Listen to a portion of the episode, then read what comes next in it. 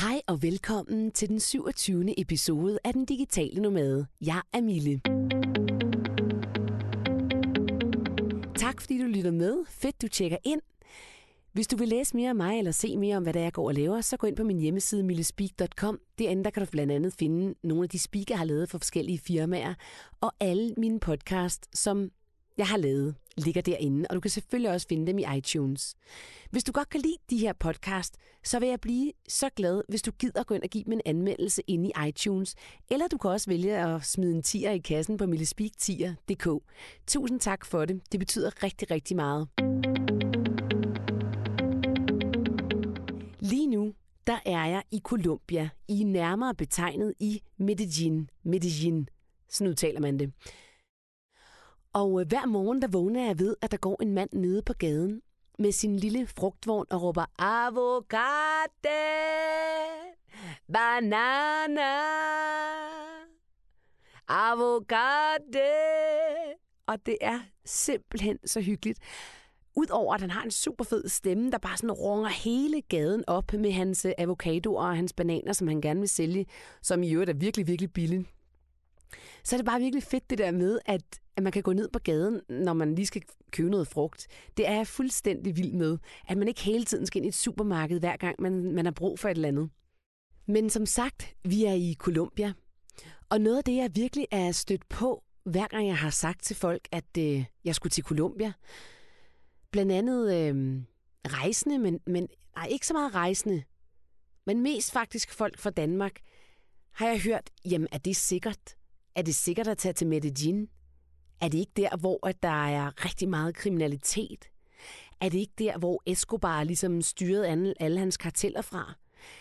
Er det ikke der, hvor at øh, folk simpelthen bliver skudt på gaden? Og jo, det er fuldstændig rigtigt.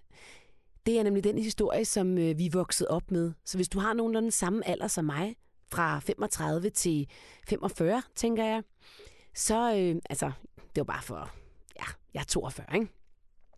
Bare for at sige et eller andet. Øhm, så er det også det, du voksede op med. Fordi Colombia var da helt klart et no-go-land.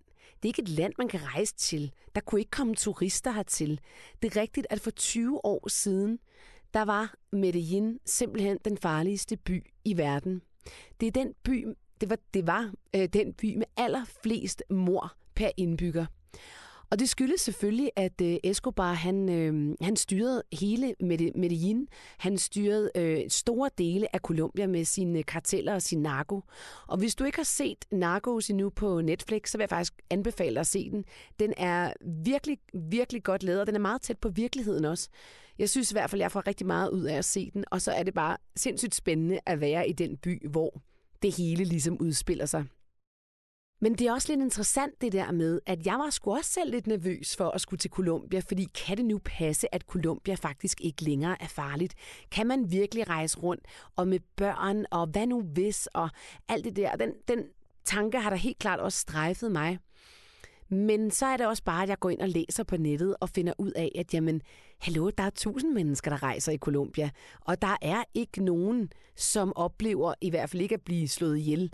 Måske får man stjålet sine ting i ny og næ. Det gjorde vi faktisk også på vej hertil. Der mistede vi vores fire backpacks, og øh, da vi fik den tilbage, var der ikke alle de ting i, som der skulle være. Men lad nu bare det ligge. Det er heldigvis bare ting. Og det er også en del af det at rejse, selvom det kan være skide irriterende. Men Colombia er altså til dels, vil jeg sige, ikke så farligt at rejse i mere. Der er selvfølgelig områder, hvor man ikke skal rejse hen. Vi skal heller ikke lege en bil og køre fra Medellin og hele vejen ned til Amazon, som jeg vil gerne gad. Men det skal vi ikke, fordi det er simpelthen ikke sikkert nok.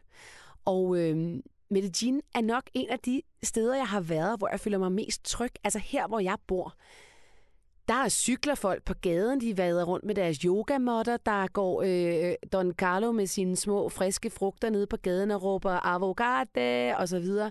Har er virkelig, virkelig hyggeligt. Kioskmanden hilser allerede på mig og spørger, hvordan det går, buenos dias, como estás, og alle de der ting. Har er virkelig en rar stemning. Og øh, i går, i går der øh, tog vi ud til et område, der hedder Comuna Dresse, som var det nok allermest farlige område i hele Medellin, øh, faktisk helt ind til 2002. Fordi efter Escobars død i øh, 1993, mener jeg, det var, han blev skudt, der øh, fortsatte mange af kartellerne øh, selvfølgelig øh, med at arbejde med narko, og specielt det her område, som ligger lidt op af, altså med, Medellin, det kan jeg lige indskyde, ligger nede i en kløft, og så vælter bjergene bare op på siden med de grønneste, vildeste, smukkeste marker. Og øh, op på en af de her sådan, sider, der ligger øh, Kommuna Dresse, som er Kommuna 13, det er et område i Medellin, hvor at, øh, de her karteller, de arbejdede fra. Og det var så nemt for dem, fordi man kunne ikke komme op og ned derfra, men man kunne godt komme op til vejen, men man kunne ikke komme ned til byen. Det vil sige, de havde nem adgang til at få deres øh, narko ud af byen, uden at politiet ligesom kunne gøre en fløjtende fis ved det. Men så skete der simpelthen det, at i 2002 i det her område, øh, hvor der jo også boede rigtig mange civile, det var jo ikke sådan, at alle var kriminelle, så øh, valgte politiet sammen med øh, nogle af de der uafhængige politistyrker, som også øh, fandtes på det her tidspunkt, simpelthen at gå ind uden varsel i det her byområde, og så skulle de bare have de her guerillaer ud. De satte 1000 politimænd ind, og sindssygt mange kom til skade, og ni mennesker døde, hvoraf kun to guerillaer døde, resten var civile. Det var en ret voldsom oplevelse for befolkningen, og det var altså i 2002, det er ikke særlig lang tid siden. Blandt andet blev der en 9-årig dreng skudt, som han stod midt i et krydsfelt og legede med en ven fra øh, en helikopter oppefra, som han skød ned, og så, øh, så, så nogle øh, af guerillerne, som så selvfølgelig også boede der, som skød opad. Han blev dræbt. Der var også en anden dreng, der mistede livet, og det er klart, det her det har lagt en meget, meget stor øh, sov over denne her sådan, bydel.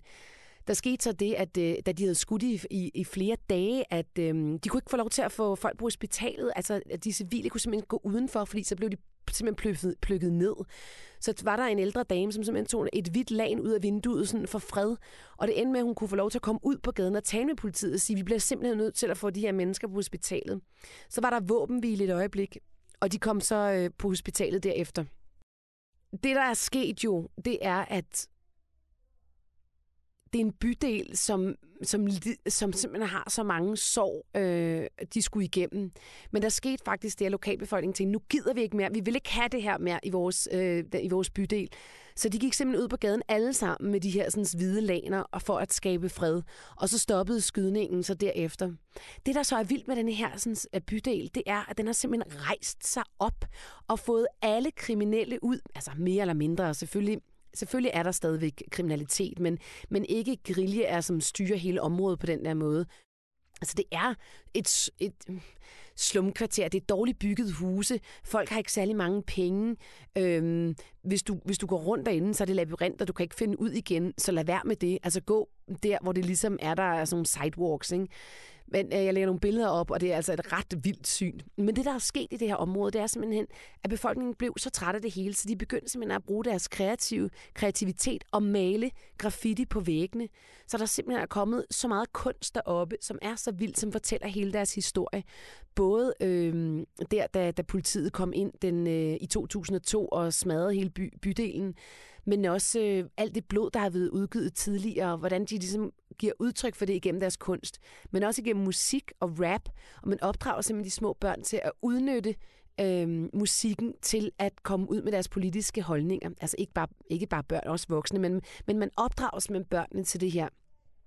Man forsøger også at opdrage børnene til ikke at tikke, så vi fik også at vide, at I må altså ikke give penge til nogen, fordi det er altså ikke den måde, vi tjener penge på her. Det sted nu er ikke længere farligt at gå i.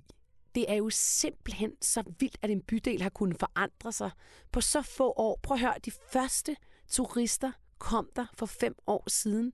Og det er faktisk noget, jeg synes, der var så sindssygt ved at være på den her tur i går. Det var det der med, okay, jeg skulle med i noget tidlig historie her.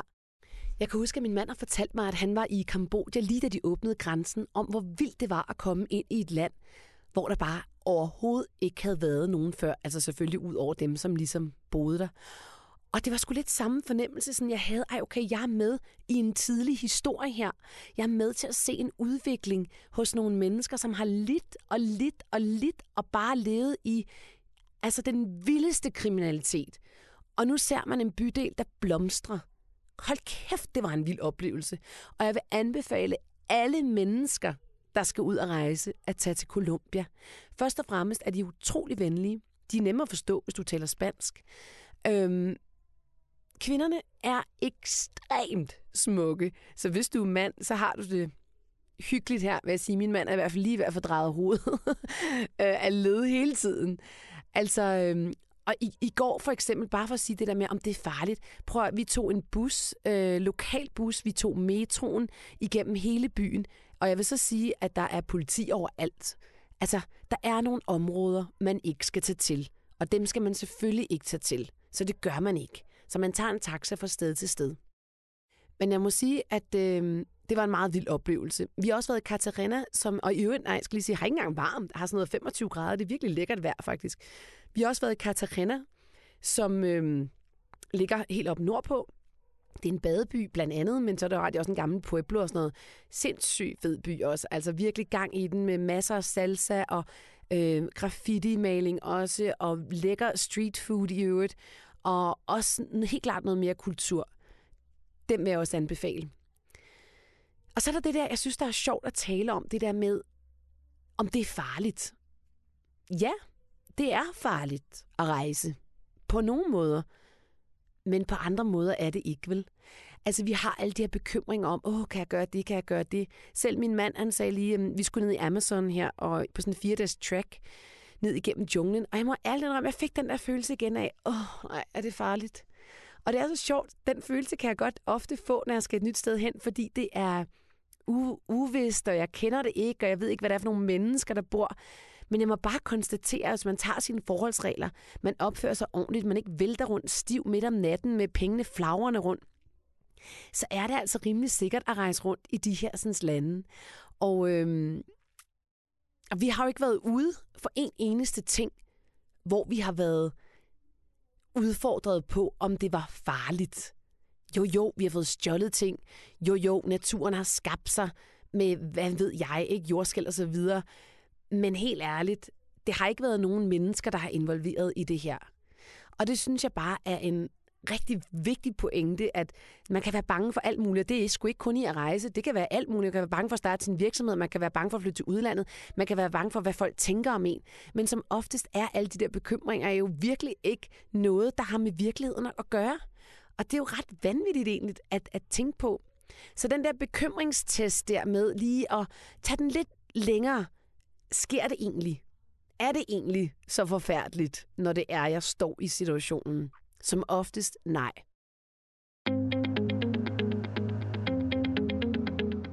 Hvis du godt kan lide den her podcast, så synes jeg, du skal dele den med dine venner på LinkedIn eller Facebook, eller hvor du er på de sociale medier.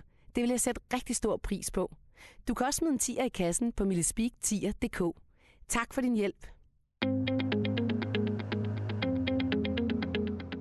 Så er der anden del af min podcast i dag, som handler om, når ting ikke lykkedes. Det gik op for mig her for tre dage siden, da jeg fik et afslag fra Radio 24 hvor jeg havde lavet en, øh, en idé til en podcast sammen med min mand.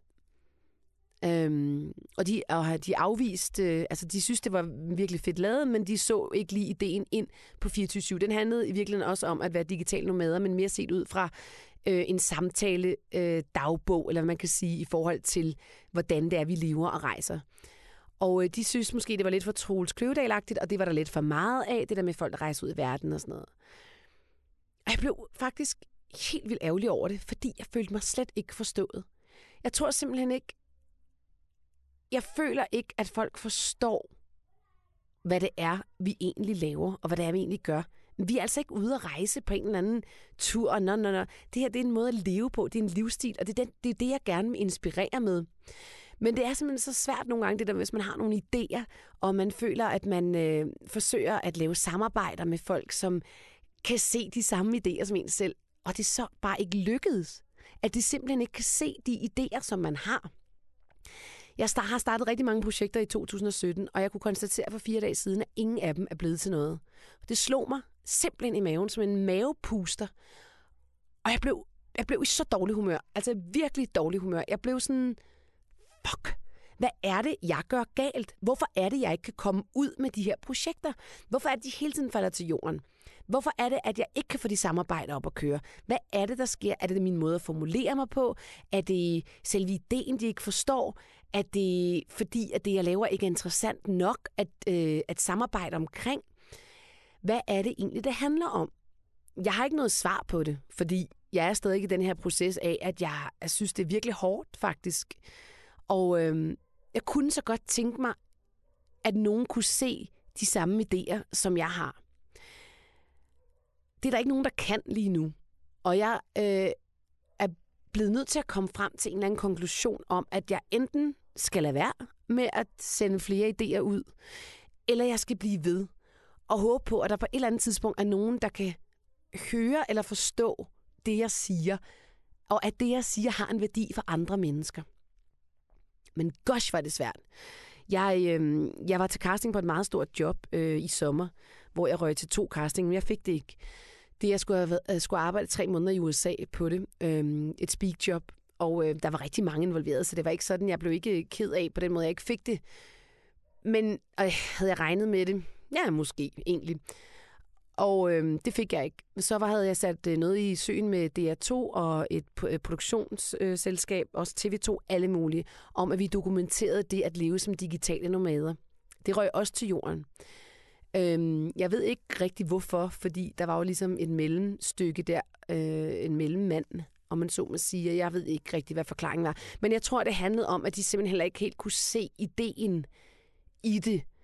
Øhm, og for mig handler det jo netop om at inspirere mennesker til at leve på en anden måde. Det handler ikke om en lang ferie, det her. Det handler om at ture og prøve at gøre noget andet. Og det er sgu ikke, fordi vi alle sammen skal leve som digitale nomader, men vi skal bare heller ikke underkende, at freelancer og det at være digital, det har så stor en værdi i vores samfund.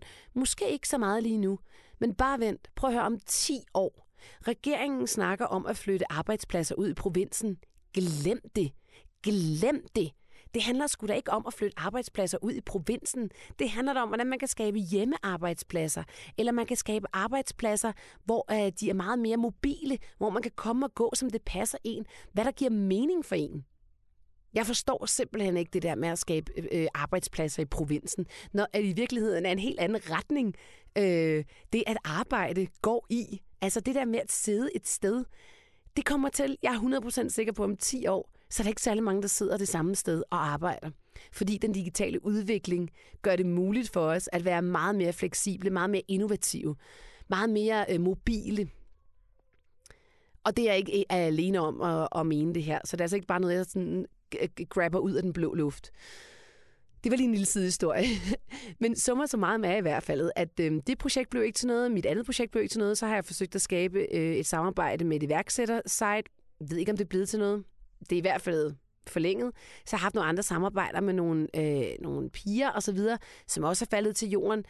Og øh, af forskellige årsager. Alting er forskellige årsager. Det er ikke den samme årsag. Det er også derfor, det kan være enormt svært lige at pege på, hvad er problemet. Nu kommer jeg frem til min pointe. Min pointe er, at lige nu er jeg såret på mit øh, på mine projekter, på min person, på min selvtillid. Og det er jeg faktisk ret sjældent, øh, fordi jeg er meget hurtig til at sige, okay, fint nok videre, nu går vi til det næste. Hvad kan jeg så hive fat i? Men lige pludselig står jeg lidt i en situation, hvor jeg føler, at alt det her, som jeg prøver at, at ligesom, øh, komme ud med, ikke altså, at der ikke er nogen, der ser ideen i det. Og det leder mig jo til min næste ting, det er, at jeg jo rigtig gerne vil holde foredrag om den her måde at leve på. Ikke kun om, ikke kun om at være digital med, men også det der med at være freelancer og turde springe ud noget nyt, og simpelthen tør at have nogle ambitioner og også gøre noget ved det.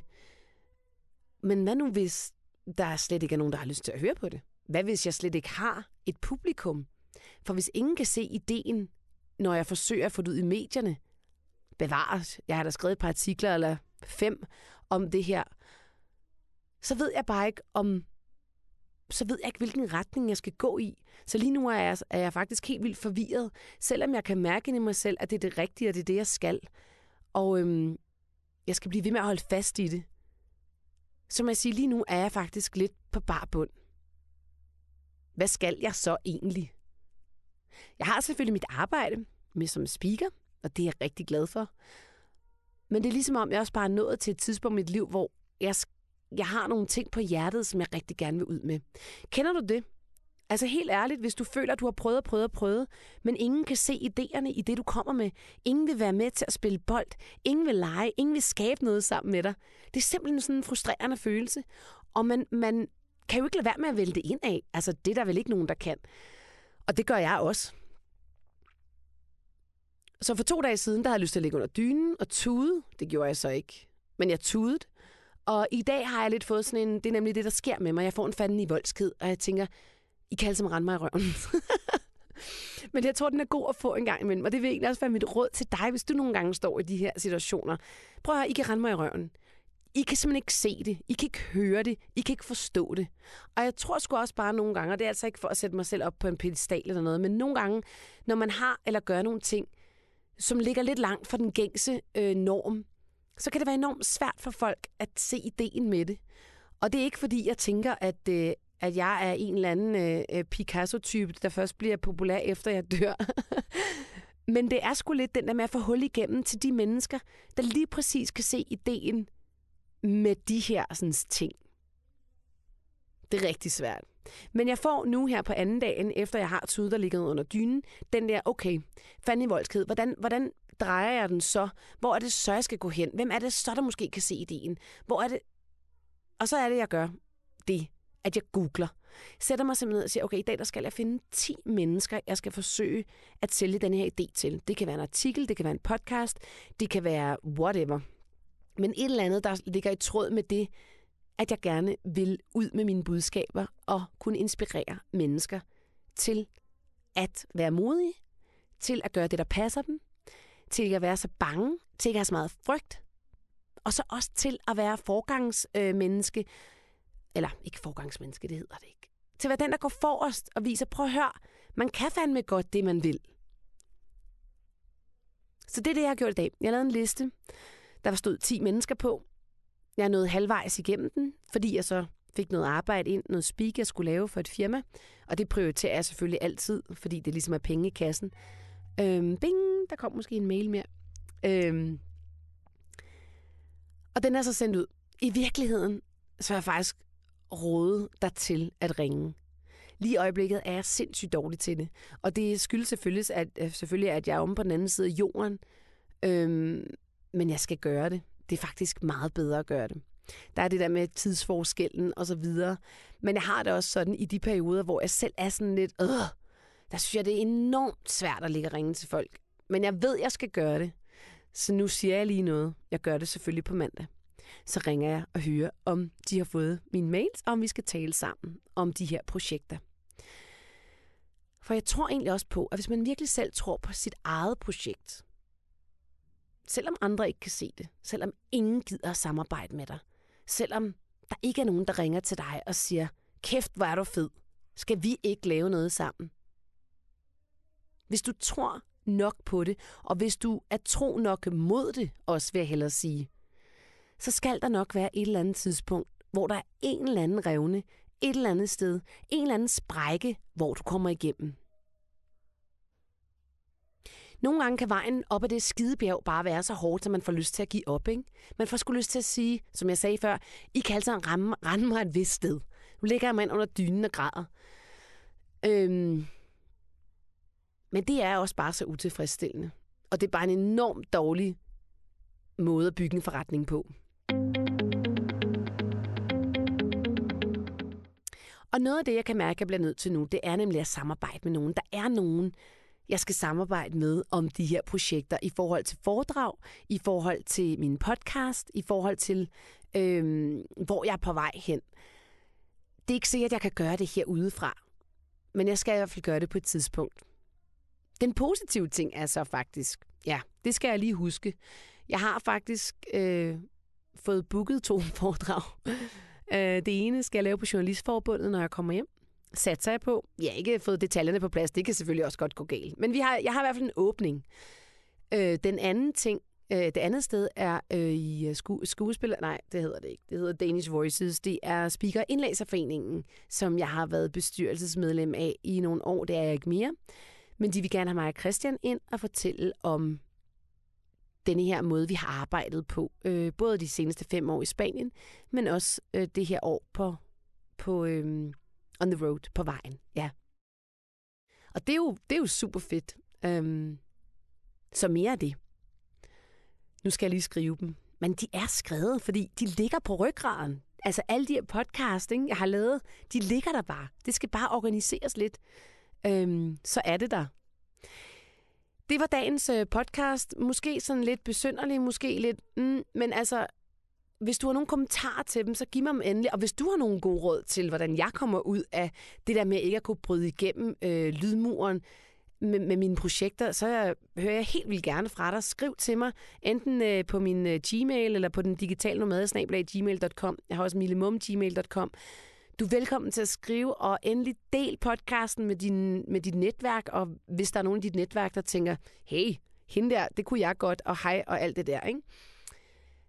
Jeg elsker network, og jeg vil faktisk lige lave en stor shout-out, fordi mit LinkedIn-netværk er fuldstændig fantastisk. Hvis du ikke bruger LinkedIn endnu, ikke, så kom i sving. Jeg, øh, jeg bliver hele tiden anbefalet derinde som speaker. Hver gang der er nogen, der søger en speaker, så er der i hvert fald tre til fire, der anbefaler mig. Øh, der var faktisk Thomas, øh, Thomas Bigum den anden dag skrev, hold kæft, det var sjovt, øh, at jeg var en legendary speaker, eller sådan noget. She's a legend, tror jeg, han skrev. Og det var den dag, hvor jeg bare var helt nede og havde lyst til at gå ind under dynen. Prøv at høre, jeg blev jo simpelthen så glad. Så fedt, at nogen gider at gøre noget for en. Og det gør jeg også selv. Og det skal du også huske at gøre, hvis du er selvstændig. Ja, i det hele taget. Bare fordi du er et godt menneske. Jeg tror bare, det er så vigtigt, at vi hjælper hinanden. Det laver jeg også en podcast om. Jeg har faktisk lige noget mere omkring det. Det, det, det laver jeg om næste gang. det er godt at få idéer, mens man ligesom står og snakker. Ikke? Øhm, men tusind tak, fordi du lyttede med. Så mit gode råd herfra, det er nogle gange bare at sige, fuck it, kom op af dynen, bliv ved og bliv ved. Prøv at ændre strategi, hvis det kan lade sig gøre. Se om du kan finde nogle nye samarbejdspartnere, men lad være med at blive under den der dyne for længe, fordi det er sindssygt usundt. Den anden ting er, hvis du ikke har været i Colombia, tag hertil. Det er simpelthen den vildeste oplevelse, som jeg har haft længe. Og være i Comuna Dresse, det var simpelthen på min top 3. Og jeg ved godt, at jeg tit siger det, men det, det gjorde et meget, meget stort indtryk på mig at stå og tage en tur ned ad den rutsjebane, de har fået af øh, staten, fordi den her 9-årige dreng blev slået ihjel lige netop der. Så de opfordrede os til lige at tage en tur ned og mærke dit indre barn. Den vil jeg give videre til dig. Gå ud og mærk dit indre barn i dag også. Det kan være, at du får nogle gode kreative idéer. Ha' en rigtig dejlig dag, og tusind tak, fordi du lytter med her i den digitale nomade. Du kan jo støtte den inde på millespeak10.dk. Du skal også dele den alt det, du kan i dit netværk. Og sidst, men ikke mindst, giv den et like i iTunes. Det betyder alverden for mig. Jeg håber godt, du ved det, men jeg får ikke penge for at lave de her podcasts. Så al den støtte, jeg kan få, det vil jeg rigtig gerne bede om. Tusind tak for det. Og øhm, ja, adios.